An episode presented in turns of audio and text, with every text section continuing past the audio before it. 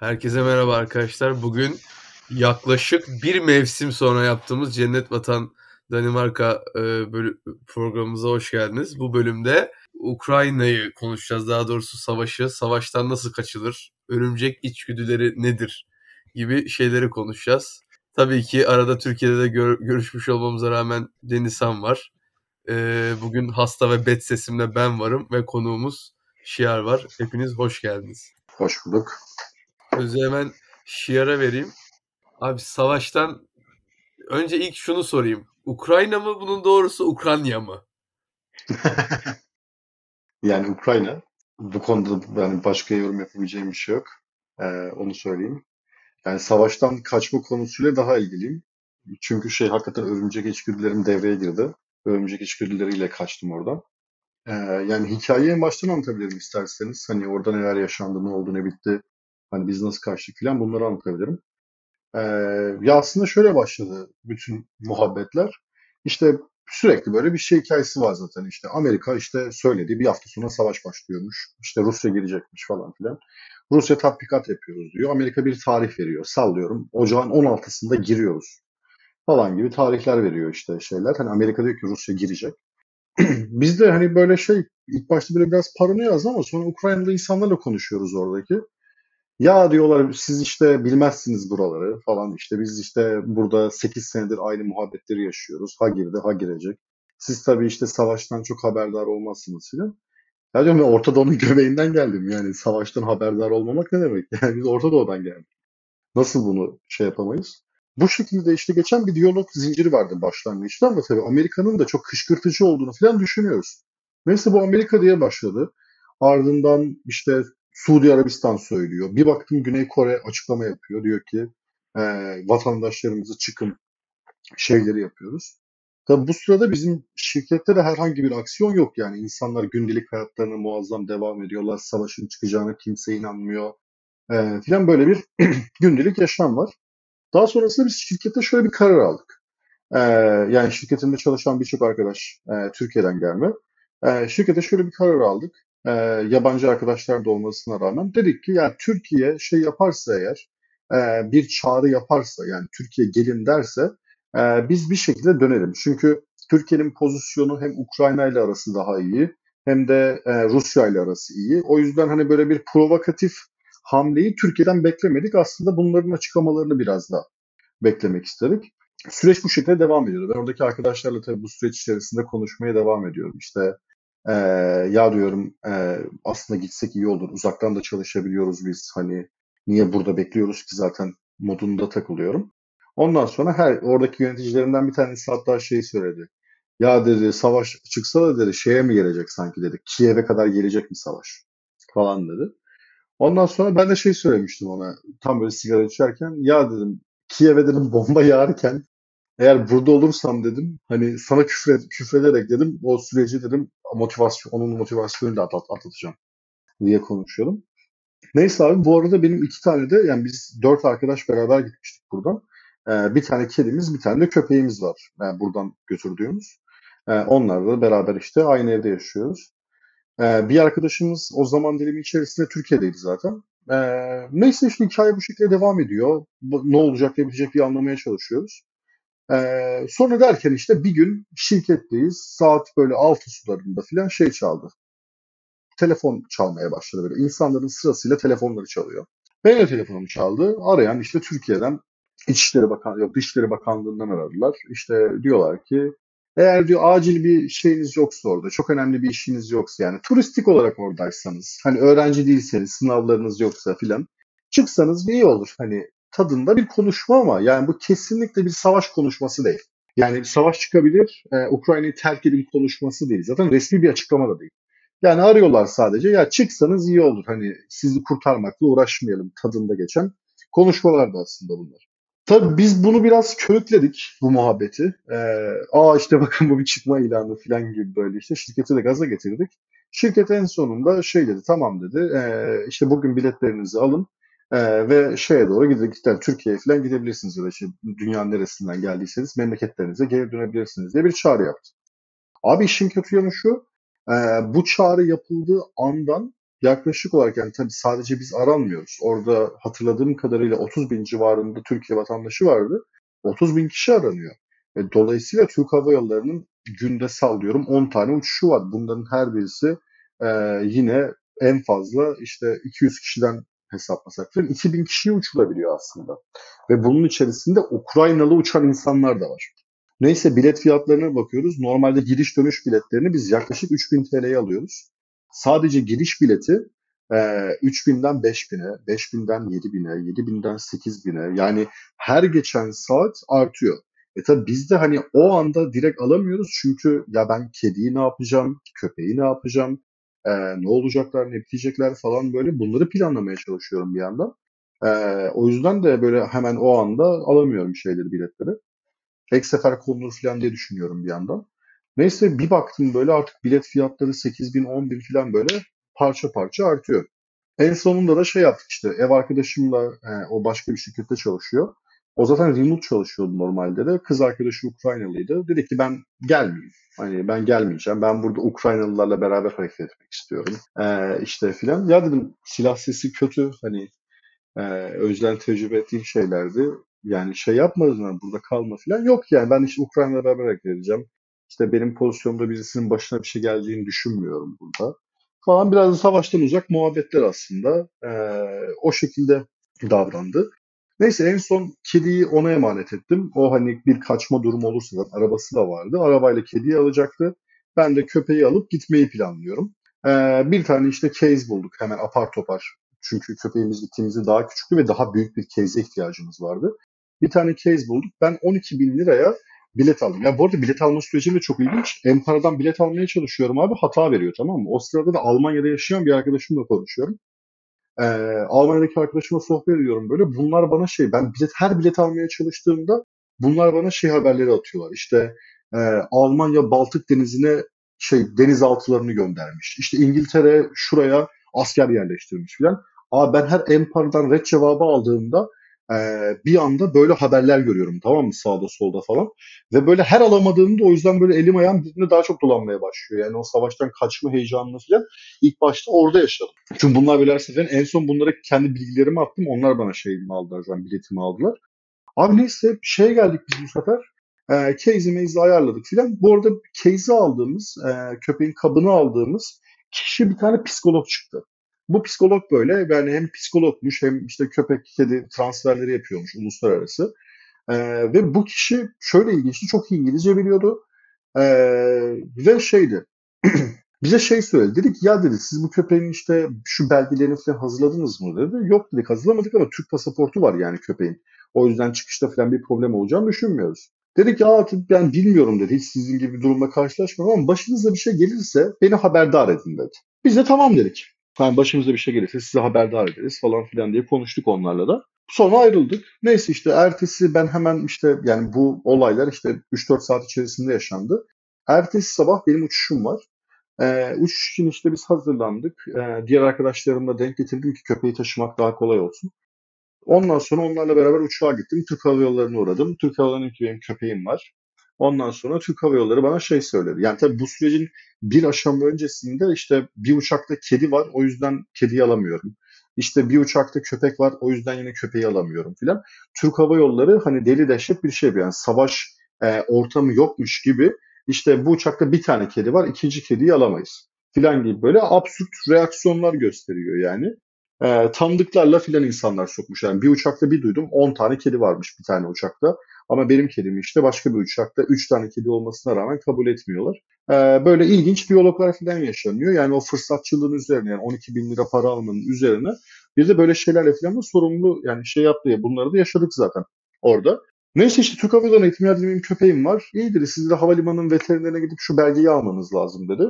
Tamam dedim. Ben de havalimanının veterinerini yolunuz köpeği de götürüyorum bir yandan tabii. Ya bu arada köpeğim Labrador böyle ağır da bir köpektir. Ondan sonra gittim şeyin yani havalimanının veterinerine. Havalimanının veterineri işte çok az İngilizce biliyor falan. Derdimi anlattım. İşte kadın bana şey sordu direkt. Ya dedi sen dedi Kiev'in merkezinden şöyle şöyle bir belgeyi aldın mı dedi. F1'di yanlış hatırlamıyorsam belgenin adı. Ondan sonra yok dedim yani ben böyle bir belge almadım. Yani bizim bizdeki prosedürlerin benzeri onlarda da varmış Türk pasaportu olmasına rağmen köpeğin. E, Tarım Orman Bakanlığı gibi bir yerden gidiyormuşsun diyormuşsun ki böyle böyle bir şey var. E, evrak var. O evrağı alman gerekiyor. O köpekle alakalı ya da kediyle alakalı. Daha sonra dönmen gerekiyor. Neyse dedim almadım ben bunu filan. Ondan sonra dedi ki şey yani çıkamazsın falan filan diyor bana böyle. Ben ağlama taklitleri yapıyorum. Onu yapıyorum işte kadına şey diyorum savaştan kaçıyoruz. İşte köpeğimiz eee, burada kalamaz. Benim burada kimsem yok. Bunlardan bahsediyorum. Kadın böyle bir ara şey baktım abi şey impossible filan dedi işte bir ara. Ondan sonra tekrar böyle işte ben yalvarıyorum falan ben yalvardıkça kadın böyle en son açtı bilgisayarını bilgisayarına bir şeyler yazmaya başladı. Ben dedim ki ya dedim aha işe yaradı hani dedim benim dedim çığlığımı duydu. Abi meğersem Rusçadan İngilizceye çeviri yapmış Translate'te. Hani işte benim bu benim yetkimde olan bir şey değil senin için çok üzgünüm. Ee, ama kesinlikle bu durumu gerçekleştiremezsin diye bir mesaj yolladı bana. Abi ben tabii dışarıda hani biz bu duruma karşı dışarıda o arabası olan arkadaşım bekliyorlar. En kötü ihtimalle ona emanet edeceğim. Böyle hazırlıklıydık bu duruma karşı ama ya bir yandan da ona da böyle hem kediyi hem köpek sorumluluğunu yüklemek istemiyorum. Hani kedi daha kolay hareket edebilir, hareket edebilir bir şey ama köpeği taşıması falan hakikaten çok daha zor. Neyse en sonunda geldik böyle konuştuk falan filan. Yok abi yok diyor. İşte ben çıktım mecburen. Çıktıktan sonra telefonla şeyi aradım. Ee, bu yani işte bir önceki gece tanıştığımız psikoloğu aradım. Ondan sonra dedi ki işte böyle böyle bir şey yaşandı. Başımızdan böyle bir olay geçti falan filan. Dedi ki nasıl bir tip dedi yani havalimanının veterineri nasıl bir tip dedi. Anlattım işte yani tipi böyleydi. Boyu şu, saçı şu filan böyle. Üç aşağı beş yukarı bahsettim. Tamam dedi ben dedi arıyorum şimdi dedi. Abi aradı. Aradan 3 dakika filan geçti. 3 dakika sonra beni aradı tekrar. Dedi ki sen dedi şimdi gir dedi onun yanına ama tek başınayken gir dedi. Ee, sana yardımcı olacak dedi. Abi ben girdim içeriye. Kadın yüzü... Ha bu arada şeyi sordum tabii. Ne kadar vermem gerekiyor rüşvet? Abi 50 dolarlık bir rüşvet. Ee, bir e, ücreti varmış e, bunun. Ondan sonra işte geldim şeye e, oraya. Orada işte geldi böyle işte dedi ki aa dedi seni Tanya mı gönderdi? İşte yani ben dedi bilmiyordum öyle olduğunu bilsem kesinlikle hallederdim falan filan böyle konuşuyor ama ya böyle bir yandan içimden şeyi sorguluyorum. Yani 50 dolar için miydi lan hepsi filan modunda. Yani ben sana ağlama taklidi yaptım. Ben sana hani burada yalvardım ettim falan filan. Hani o haldeki birisinden zaten ya ben orada şey mesela 200 dolar istese benden ağzıyla ben 200 dolar verecektim zaten orada. Hani ama bu şey yapıyor ya belki daha fazlasını da verebilirdim. Böyle arkadaşımla şey konuşuyorum yani nereye rüşvet verebiliriz falan diye konuşuyorum. Ondan sonra abi geldi hazırladı evraklarımı falan filan. Ben 50 doları işte kenara sıkıştırdım. Ardından işte şeyden çıktım. Sonra Türk Hava Yolları'na gittim. Türk Hava Yolları'na dedim işte böyle böyle evrağımı çıkardım hani başka bir derdimiz yok değil mi filan. İşte ücret ödeyeceğiz tamam. Yanımda da dolar var abi nakit dolarım var. Ee, dedik ki işte sadece euro ile ve şeyle ödeme yapabilirsiniz. Greenline ile ödeme yapabilirsiniz. Abi Türk Hava Yolları dolarla ödeme kabul etmiyormuş. Yani ben bunu da öğrenmiş oldum orada. Dolarla para yok diyor alamam, alamam diyor ben para filan. Böyle aptallık silsilesi. Sonra havalimanındaki klasik exchange'lere tabii şey yapıyorsun. Maruz kalıyorsun. Yani burada Türk lirası falan da kabul etmiyor. Yani o da ayrı bir metafor ama yani Türk şirketi ama en azından Türk lirasını kabul etseydim. Ee, gittik abi havalimanına. Yani şey orada havalimanındaki işte exchange ofisine. Onlar da çok işi kurdan bozuyorlar. Neyse mecburuz işte onu da yaptık falan filan. Ya bu arada köpeğimin de tam aşı zamanıydı. Bir tane de aşısı eksik. Bu sefer biz bindik şeylere, uçağa. Uçakla işte artık geliyoruz hani böyle. Ya burada bir, bir sürü işte böyle şey İngilizce bilmediği için yaşadığım problemler falan yaşadık ettik ama onları geçiyorum. En son geldik şey işte e, Türkiye'ye indik e, bir şekilde. Şimdi bu sefer şey olacak yani aşısı eksik olduğu için e, bu aşıdan kaynaklı şey yapacaklar yani durduracaklar köpeği. Muhtemelen işte Haytap'la filan e, teması geçiyormuş. 3-4 gün Haytap'ın e, yerlerinde kalacakmış. E, onun ardından da şey yapacak. E, sonra biz alabiliyormuşuz ama tabii bunu da yaşamak istemiyoruz. Haytap'la konuşuyorum ben o sıra. Abi geldim indim şeylere. Bu İstanbul Havalimanı'nda yeni şeyler var. Böyle bavul taşımak için e, platformlar var. E, başında yani sen sürmüyorsun. Birisi senin yerine taşıyor bunları. Ondan sonra onlardan bir tanesini kiraladım. Böyle kubbeli bir yapısı var. Ondan sonra onlardan bir tanesini kiraladım. Abi köpeği aldım ortaya koydum. Arkadaşlarımın bavullarını da aldım. Bir tanesini sağa bir tanesini sola bir tanesi de köpeğin üstünü kapatacak şekilde üstüne. Ondan sonra tam böyle şeye geldik işte. E, gümrüğe geldik. Ben gümrükte böyle işte baktım şeylere. E, insanlara baktım filan böyle. Şey söyledim. E, tam böyle gümrükteki adam hani bizle göz teması kurdu. Ya dedim memleket gibisi yok dedim böyle adama bakıp. Ondan sonra böyle bir dikkati hemen kendi üzerime çekeyim diye. Adam aa dedi siz nereden geldiniz falan filan dedi böyle. İşte ilk başta gülümsedi. Ben dedim ki ya dedim Ukrayna'dan dedim savaş çıkacak neredeyse zor canımızı kurtardık filan dedim. Adam da sağ olsun bana siz geçin geçin dedi. Hiç bizi incelemedi etmedi falan filan. Biz geçtik abi. Luna da yani köpeğimin ismi Luna. Luna şansla hiç sesini soluğunu çıkarmadı böyle. Yani sanki olayda böyle haberdar olmuşuz gibi. Ses soluk sıfır. Çıktık dışarıya dışarı çıkana kadar abi ne bir yaklama ne bir havlama hiçbir şey yoktu. Ve o sayede biz böyle rahatlıkla geçtik ve Türkiye'ye ulaştık işte sonrasında. Sonrasında işte ben burada bazı organizasyonları falan tabii daha buraya kadar bir savaş yok. Ev arkadaşıma da bu işte araba arabası olan ona şey söyleyeyim yani sen gelmeyi düşünüyor musun falan diye son kere sormuştum. İşte Ukrayna'la beraber hareket edeceğini söylemişti. E, sonra işte geldik buraya. Bir sabah abi işte böyle ben uyuyorum. Saat 10 civarı falan. Kız arkadaşım aradı beni. Ee, o söyledi işte ya dedi işte aşkım nasıl nasılsın filan dedi günaydın dedi bir şey söyledi. Ya bu arada panik olma ama dedi savaş çıkmış dedi Ukrayna'da filan böyle. Ya bu böyle çok panik olmayacak bir şey değildi yani anladın mı? Rahat Öyle ol. baktım bir şey söyleyeceğim ama roket atıyorlar.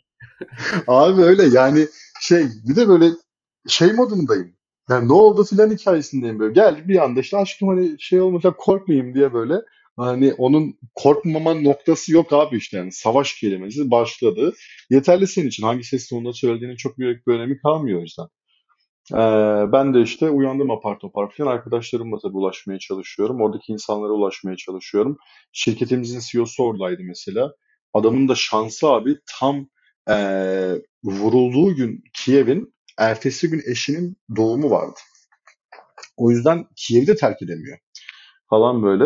Garip bir durumda. Sonra işte ben Ukrayna'nın çok büyük bir direniş gösteremeyeceğini düşünüyorum o zamanlar. İlk başlarda da böyle söylediklerinde çok haklıyım. ama bir baktım 24 saat içerisinde benim evim böyle Kiev'in e, biraz dışında kalıyor. Kiev'in merkezinin dışında. Bu sizin e, Irpin, Buça dedikleri bölge var ya. Irpin ve Buça bölgesinin yakın bir taraflarda müstakil bir evimiz vardı bizim. E, yani Kiev'in tam sınırında olan bir. Abi bir baktım adamlar İrpin'e gelmişler, adamlar Buça'ya gelmişler falan böyle. Yani Kiev'in 24 saatte e, Kiev'in etrafını kuşattılar ve Kiev saldırı işi.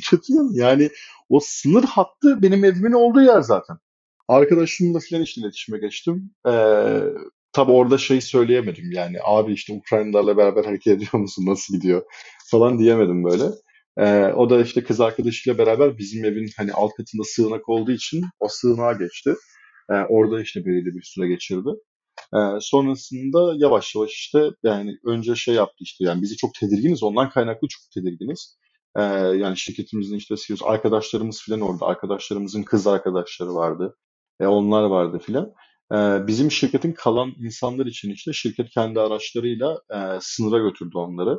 Oradan da işte zamanla tahliye etti bir kısmını ama işte benim arkadaşım orada kaldı. Sonra o da çıktı ya şimdi o süreçte şöyle tehlikeli şeyler de yaşandı. Şimdi insanlar neticede bütün para çekebilen para çekiyor. Evinde nakit bulan, bulunduran nakitlerini yanına alıyor, değerli eşyalarını yanına alıyor ve kaçmaya çalışıyor. Şimdi bu süreçte Ukrayna'daki tabii böyle bazı e, irili ufaklı mafya grupları da yollara pusu kuruyorlar. Ve seni polis kıyafetleriyle durduruyorlar. Başına silah dayıyorlar. Senden bütün paranı, değerli eşyalarını falan alıyorlar ve seni gönderiyorlar. Yani sen bu durum içerisinde tabii polisi mi arayacaksın işte beni, ben, beni şey yaptılar, e, durdurdular falan filan. Savaş var yani memleket. Böyle krizlerin yaşandığı bir dönemde. O yüzden tabii, tabii bu tarz durumlarda turistlere de daha kolay oluyor bu tarz saldırılar hani dışarıdan gelenlere. O yüzden bayağı da tedirgindik onlar gelene kadar. Ee, onlar gelene kadar o yüzden böyle çok e, mizah yönümüz de çok gelişmemişti. Ama sonrasında böyle bayağı goygoyu döndü aramızda şey diye. yani Ukraynalılarla beraber hareket etme kısmında insanlar çok da sıkıntı çektiler. Yani iki gün boyunca işte sınırda kalmak zorunda kaldılar. Ee, sınırda beklediler. Bazı e, Ukraynalı olmayan insanları sınırdan geçirmemişler çokça. Özellikle Polonya tarafında çok yaşanmış. Yani şimdi şöyle bir şey de var. Normalde biz Avrupa şeyini kullanamıyoruz. Hattını kullanamıyoruz. Yani Polonya'ya sen normalde geçemezsin Türkiye pasaportunda. Ukraynalılar e, vizesiz seyahat edebiliyorlar ama biz edemiyoruz bunu. O yüzden şeyleri falan bayağı durdurdular. Yani e, Türkiye Allah'tan oradaki işte Avrupa bölgesiyle anlaşma yapmıştı ama bu Türkmenler, Hintliler, Pakistanlılar falan e, ya da işte Afrika'dan gelenler, Afrika ülkelerinden gelenler bayağı şey sıkıntıları yaşadılar. İşte insanları geçirmediler sınırdan. Onları böyle bir yerde tuttular. İşte orada işte ırkçılığın yine nüvelerini e, gördük çokça. Yani böyle geçen süreçlerdi. Arkadaşım da geldikten sonra şimdi bizim evimiz de orada böyle şey e, en son taşındığımız ev böyle bir aylık falan olmuştu ama içinde böyle saunası olan falan bir eve taşınmıştık kocaman bahçeli. Arkadaşım da şey yaptı. E, dönüyor abi Türkiye'ye giriyor böyle. E, donanım haber, e, donanım haber diyorum ya. DHA işte bunlara şey yapıyor. Röportaj yapıyor. İşte burada yanında kız arkadaş şey diyor. Çok zordu işte ilk başlarda işte böyle 5-6 gün boyunca dayandık işte sığınaklarda kaldık diye. Sığınak dediği şey dört katlı villanın alt katında böyle uyumuşlar. Hani bir gün filan orada uyumuşlar. Sığınak diye anlattığı kısmı orası. Öyle geldiler. Ee, onlar da Şişkin'in CEO'su falan da çıktı. Yani aslında savaşa dair en böyle tecrübe ettiğim olayların kısaca özeti bu. Ee, sonra işte Türkiye süreci başladı bizim için. Böyle geçirdik. Sen iyi para kazanacağım diye git Ukrayna'ya. Oradan böyle dön Türkiye'ye. Yani anca zaten... Evet ya yani üzücü bir süreçti. Bir şey soracağım. Sen kaç gün önce dönmüştün savaştan? Aa ben 3-4 gün önce falan döndüm. Ha bu arada savaş başladı böyle. Savaşın başladığı haberini aldıktan sonra şey yaptım ben. Abi köpeğimin yanına gittim ya. Nedense hani onunla paylaşmak istedim bu süreci ve o kadar umursamaz şekilde duruyordu ki yani böyle şey. Üç gün önce savaş çıktı lan şeyde. Hani şey üç gün önce çıktığımız yerde şu an bombalanıyor modundaydım ben. İşte köpeğimle bakıyorum filan. İşte şey e, dedim hani belki o da hissetmiştir bu durumu filan modundaydım. Gittim köpeğimle paylaştım yani. Yani genel olarak böyle geçirdiğim bir süreçti. Sizin hani böyle sormak istediğiniz şey. Ya bir de şey oldu tabii. Yani olayın üzerinden de bayağı zaman geçti. O yüzden bazı detayları hatırlamıyorum. Aa, bir de heyecanımı kaybettim olaylara dair. Çünkü şöyle oluyor tabii hani geldiğin zaman. Şimdi İstanbul'a geldim. Aileme tabii hani bu süreçleri anlatıyorum. Tamam o zaman çok heyecanlıyım böyle acayip aktif şekilde anlatıyorum falan filan. Abi sonra şey arkadaşlarımın yanına gidiyorum. Arkadaşımla buluşuyorum. E, tabii bu süreçlerin hepsi başlayan. Yani şu anlatışım galiba böyle 50. defa. Siz benimle ilk günler içerisinde röportaj yapmış olsaydınız hani böyle çok daha şey konuşurdum. Çok daha heyecanlı konuşabilirdim olaya dair. Ama bir süre sonra sen de şeyini yitirmeye başlıyorsun galiba. Heyecanlı yetişilmeye başlıyorsun.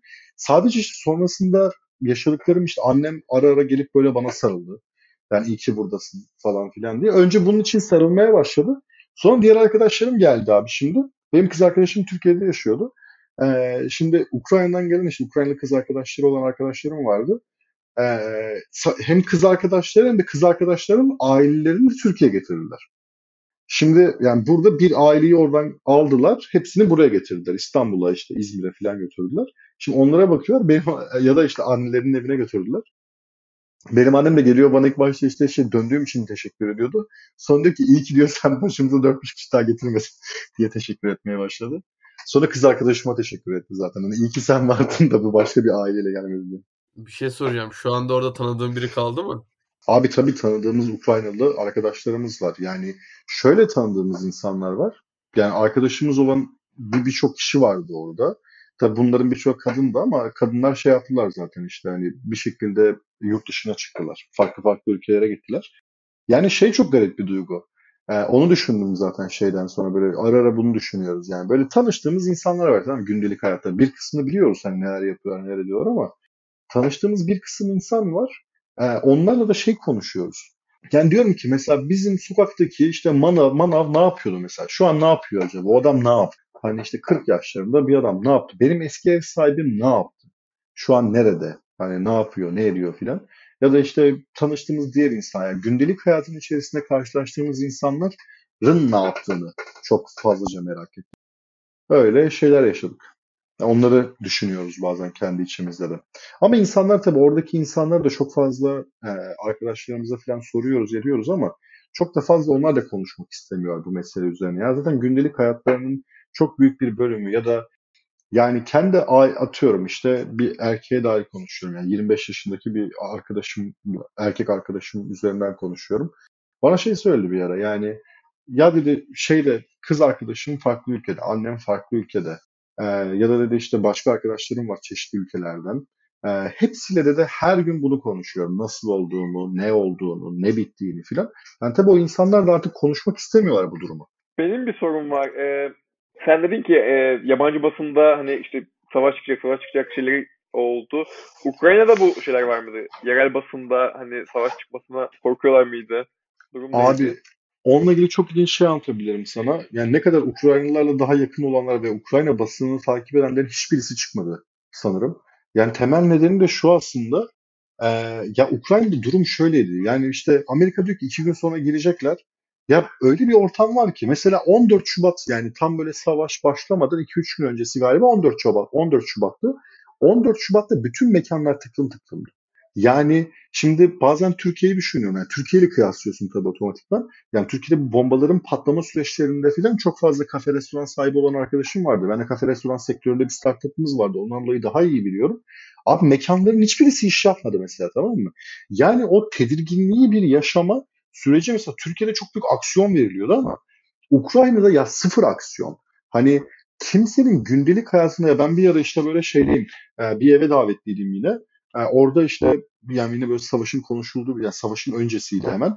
Oradakilere sordum ya dedim ne düşünüyorsun? Ya olur böyle şeyler canım yani biz bunları takmıyoruz artık çok alıştık biz bunlara falan diye konuşuyorlardı. Biz Orta Doğulu e, olmanın galiba avantajıyla abi savaşı daha iyi okuduk Ukraynalılardan. O yüzden hani doğru zamanda doğru panik e, havasına kapıldık. Ben çok ciddi aldık. Evet, güzel bir e, çözümleme. Avrupalılarda var o bana bir şey olmaz havası her konuda. Çünkü yani hiçbir şey olmamış abi İkinci, İkinci Dünya Savaşı'ndan beri. Abi tam da sen... Ya Ukrayna öyle değil canım. Ukrayna'da bu süreç bugünkü süreç değil. Yani e, 2013'teki meydan eylemlerinden beri aslında bir iç savaşla karşı karşıya Ukrayna. Yani zaten 2013'te meydan olayları başlıyor. Onun arkasından Donbas bölgesinde e, farklı iki tane e, kurtarılmış bölge ilan ediliyor. Onlar daha sonra işte Cumhuriyet olarak tanımlıyorlar e, falan filan ama bu süreç zaten 20 bin tane insan yani bizim aslında Güneydoğu'da olan savaşın benzeri e, şeyde Ukrayna'da düzenli olarak vardı. Yani o yüzden başlarına çok bir şey gelmemiş e, diyebileceğim bir şey değil. Bunun yaşanabileceğine yani Rusya'nın onları işgal girişiminde bulunacağına e, sıfır şeyleri vardı.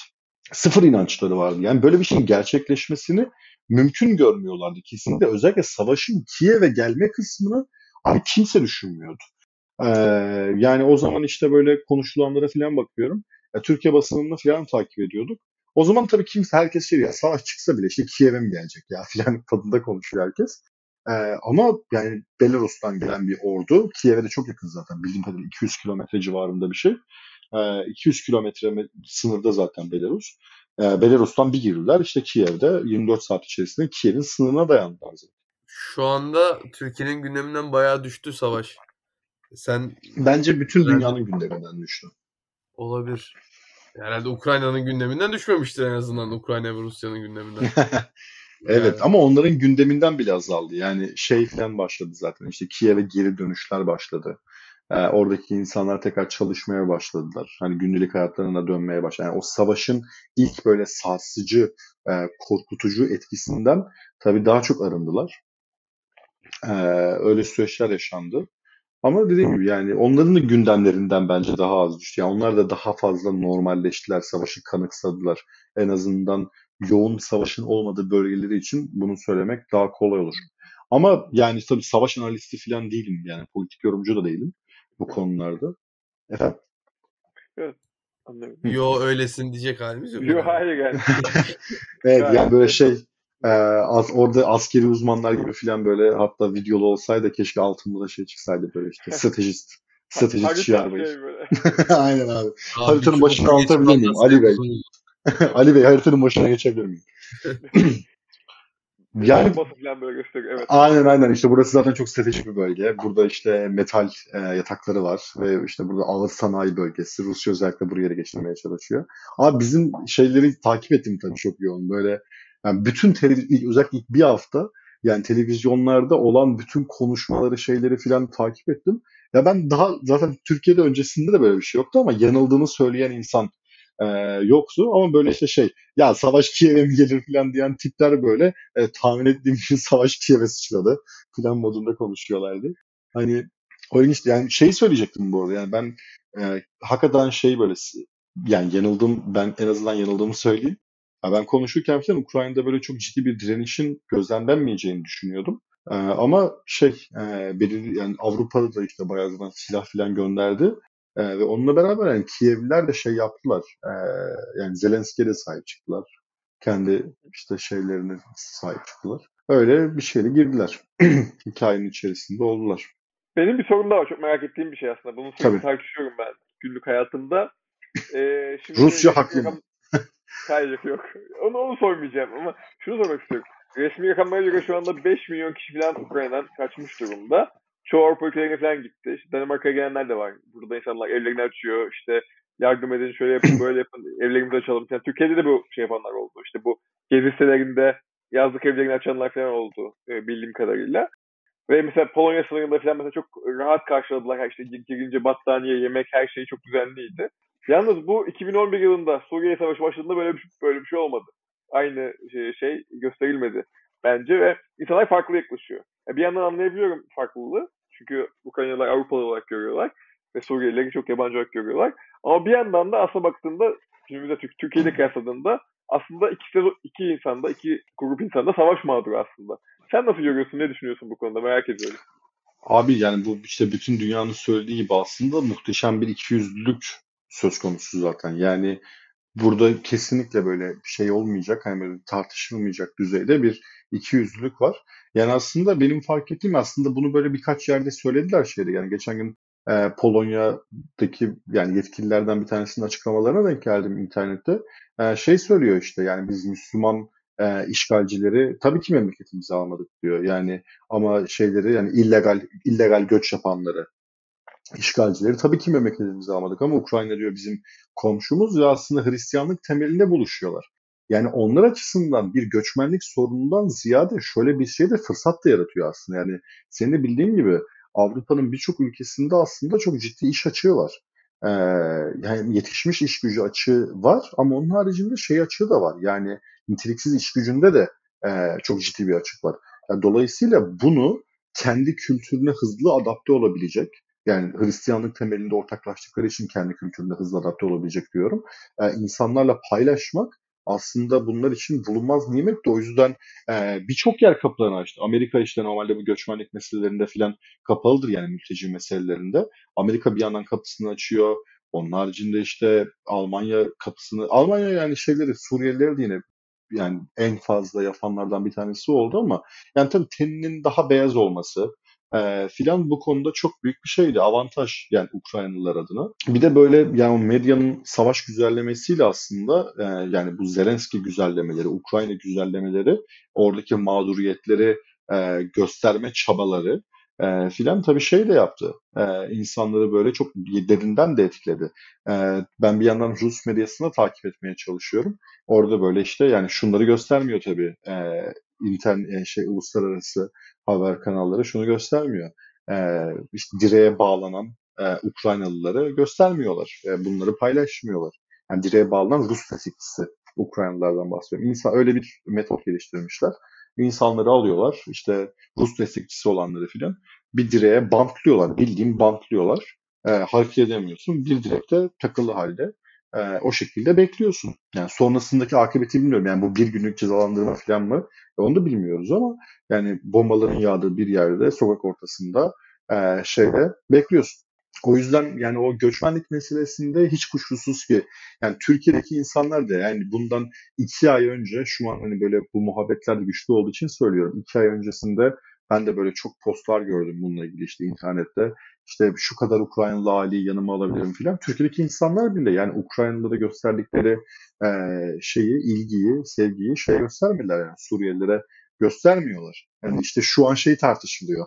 E, işte Suriyelileri zorla nasıl göndeririz filan meselesi tartışılıyor Türkiye'de. E, bir yandan da Ukraynalılara Aa işte canımız kardeşlerimiz filan diye böyle bir karşılama merasimleri yapılıyor. Yani tabii ki işte meselenin özü ikiyüzlülük. Yani orada şeyi söyleyebilirim yine onun haricinde Türkiye'ye dair. Abi yani öğrencilerin hiçbirisi gelmedi. Çünkü bizi telefonla arayan insanlar şey dediler.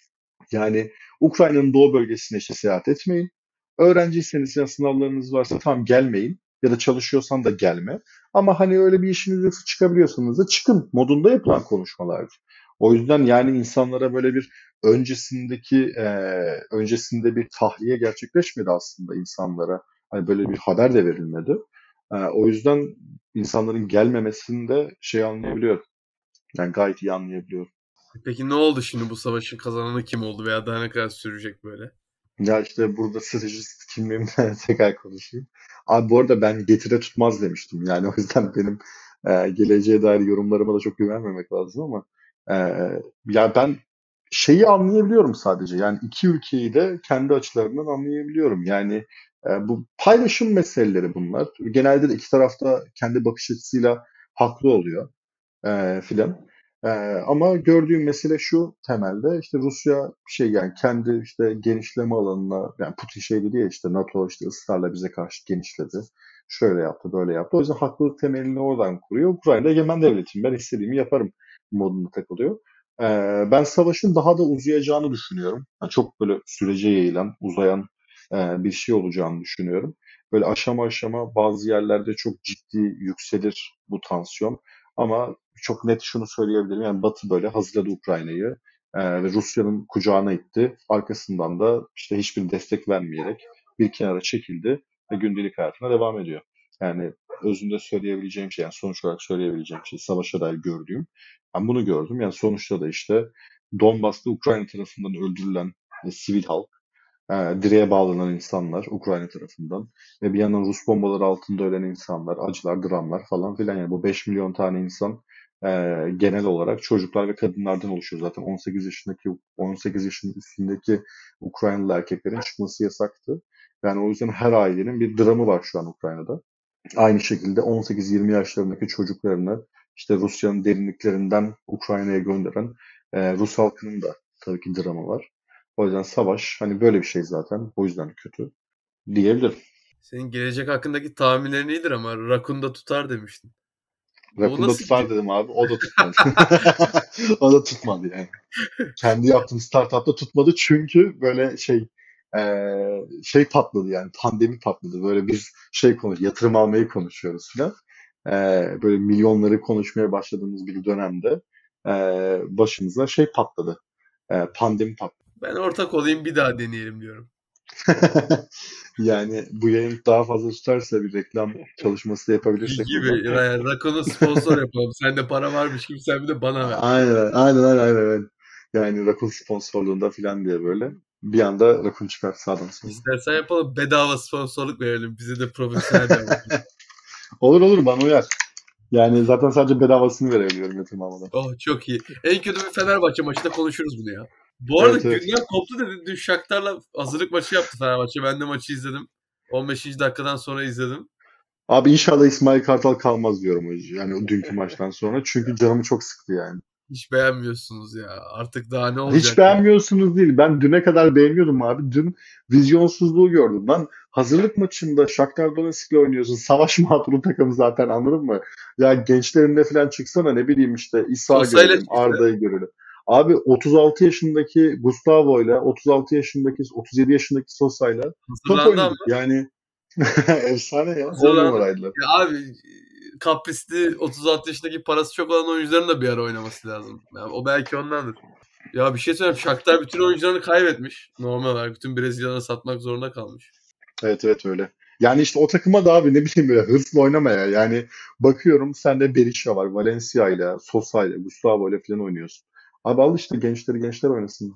Aldı gene ya. Benim tek garibime takılan bir ara tezahürat duydum. Vura vura vura kıra kıra kıra diye ya. Yani savaş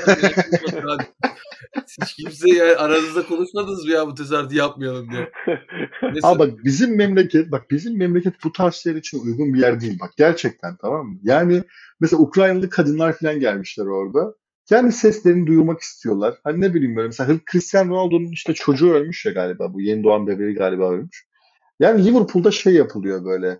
Asla yalnız yürümeyeceksin filan diye 7. dakikada şarkılar söylendi filan böyle. Hani böyle bir toplumsal mesaj veriyor. Cristiano Ronaldo'ya böyle bir hani jest yapıyorlar tamam mı? Abi ne bileyim bak savaştan kaçmış bir insan topluluğu var. Bak bir de bu Shakhtar Donetsk'in kötü yanını biliyor musun? Zaten adamlar Donbas takımı. Yani Donetsk'ten kaçıyorlar. Bunlar maçlarını Dinamo Kiev'in sahasında oynuyorlardı. Oradan da kaçtılar. Bak ya önce Donbas'tan kaçtılar. Kiev'e geldiler. Kiev'den kaçtılar. Ya İstanbul'a senin yanına gelmişler top oynamaya tamam mı? Futbolcular da güzel bir mesaj verdiler filan da ya bizimkiler böyle ya çıldırmış gibi gerçekten Fenerbahçe Fenerbahçe yani Türkiye'deki taraftar şeyi böyle Yani diyalogları böyle. Ne bileyim orada mesela böyle bir Ukraynalılarla beraber güzel mesajlar verilebilirdi. Ben bir arada şöyle sesler duydum ha böyle galiba Ukraynalılar da onlar da Vee! diye böyle şey sesler geliyordu. Yani tiz sesli bir e, ses çıkıyordu böyle şeyde maç esnasında. Kaleci kurtarış yapıyor falan. Böyle sesler geliyor. Hani Ukraynalıların kendi sesinin duyulmasına izin vermedik abi. Onları hani deplasman tribününü bastırmak böyle bir şey olmasa gerek. 82 82 83 e, Donetsk. Abi gerçekten. Gerçekten öyle. Bir şey söyleyeceğim. Danimarka'da bu konu hiç konuşuluyor mu? O biz de o kadar Hangi- buluştuk hiç yani hiçbir şey konuşmamışız şu an, şu an seninle. İyi oldu yayını bıraktık. Savaş konusu mu? Evet. Savaş konusu hala aktif bir şekilde ön sayfada yer alıyor gazetelerde. Yani ciddi takip ediyorlar. Türkiye gibi değil. Bayağı içindeler bu meselenin. Peki bizim Abi tamam da bak onu nereden anlarsın biliyor musun şeyi? Bak ben Hı. Türkiye'de gündemin soğuduğunu nasıl anladım? Böyle önce şey vardı bütün haber kanallarında işte Ukrayna savaşın birinci günü, savaşın ikinci günü, savaşın üçüncü günü. Her gün savaş konuşuluyor ve böyle o haber kanallarında üst manşet çıkardı böyle. Yani seçim zamanı olurdu ya böyle üstte şey çıkardı. Savaşın Tabii işte şey falan. orada işte seçim zamanı gibi. Ha, oranlar çıkardı. Bunda da savaşın günleri yazardı böyle. Ha, bunu bıraktı anladın? Bunu bırakınca ben dedim ki Türkiye bıraktı artık bu meseleyi. Hı, hı, hı. Doğru, doğru. Danimarka'da aktif olarak takip ediyorlar hala. İşte gün gün ne oldu? Rusya bunu savaş şey e, füze denemiş galiba. Yine füzeler denemiş. Onları falan gösteriyor her gün. Uzatmadan isterseniz yavaş yavaş kapatalım. Çok güzel oldu e, bu bölüm bence. Bizim var ya Umarım toplam güzel 5 dakika konuşmamız harika bir yayın oldu. En kolay yayınım şu ana kadar. Kaç... Ama Şiay çok güzel ifade ediyor kendini. O yüzden çok kolay oldu bizim için de. Yani her şeyi Abi. sormadan anlatıyor zaten. Her şey bölüm. Ama biz kısa bir provasını yapmıştık daha yeni geldiğinde. Abi ben bu ben bunu şey yani böyle 10 defa anlat 50 defa anlattığım hikaye yani artık. Hani nerede ne söyleyeceğimi falan hatırlayabildiğim sürece problem yok. Bazen böyle şey oluyor. Hani çok ilginç bir şey anlatıyorum ama çok düz anlatıyorum anladın mı? Çünkü benim için düzleşti artık. Yani bu yayından sonra dikkat et. Yolda falan yürürken savaştan kaçan mağdur çocuk diye adın yayılabilir. Abi asıl şey diye yayılabilir ya. İşte köpeğini işte aşısız şekilde Türkiye'ye sokmuş. Lo falan diye. Köpeğini, köpeği için sakal atan adam olarak da yayılabilir de. Aynen. Biz kapatınca seni ihbar edeceğiz zaten. Yok canım siz gazetecilik görevinizi yapıyorsunuz. Bizde, daha ne görevlerimiz var bizim bilmezsin bizi. Vatandaş haberciliği işte.